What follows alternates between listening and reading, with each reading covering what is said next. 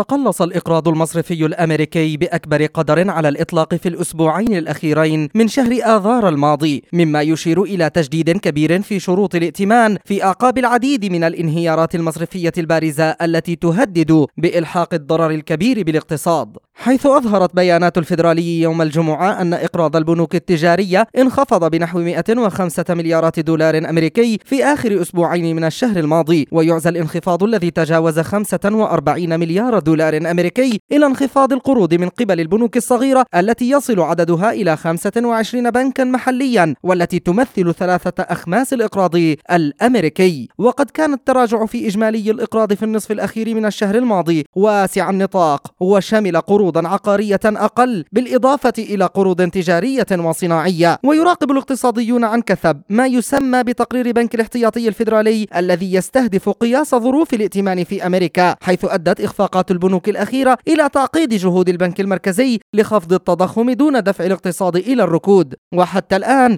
فإن الأزمة المصرفية الأخيرة ما زالت تجعل من الركود احتمالا قائما وذلك وفقا لما قاله رئيس بنك جيبي مورغان جيمي دايمون مجد النوري لشبكة أجيال الإذاعية.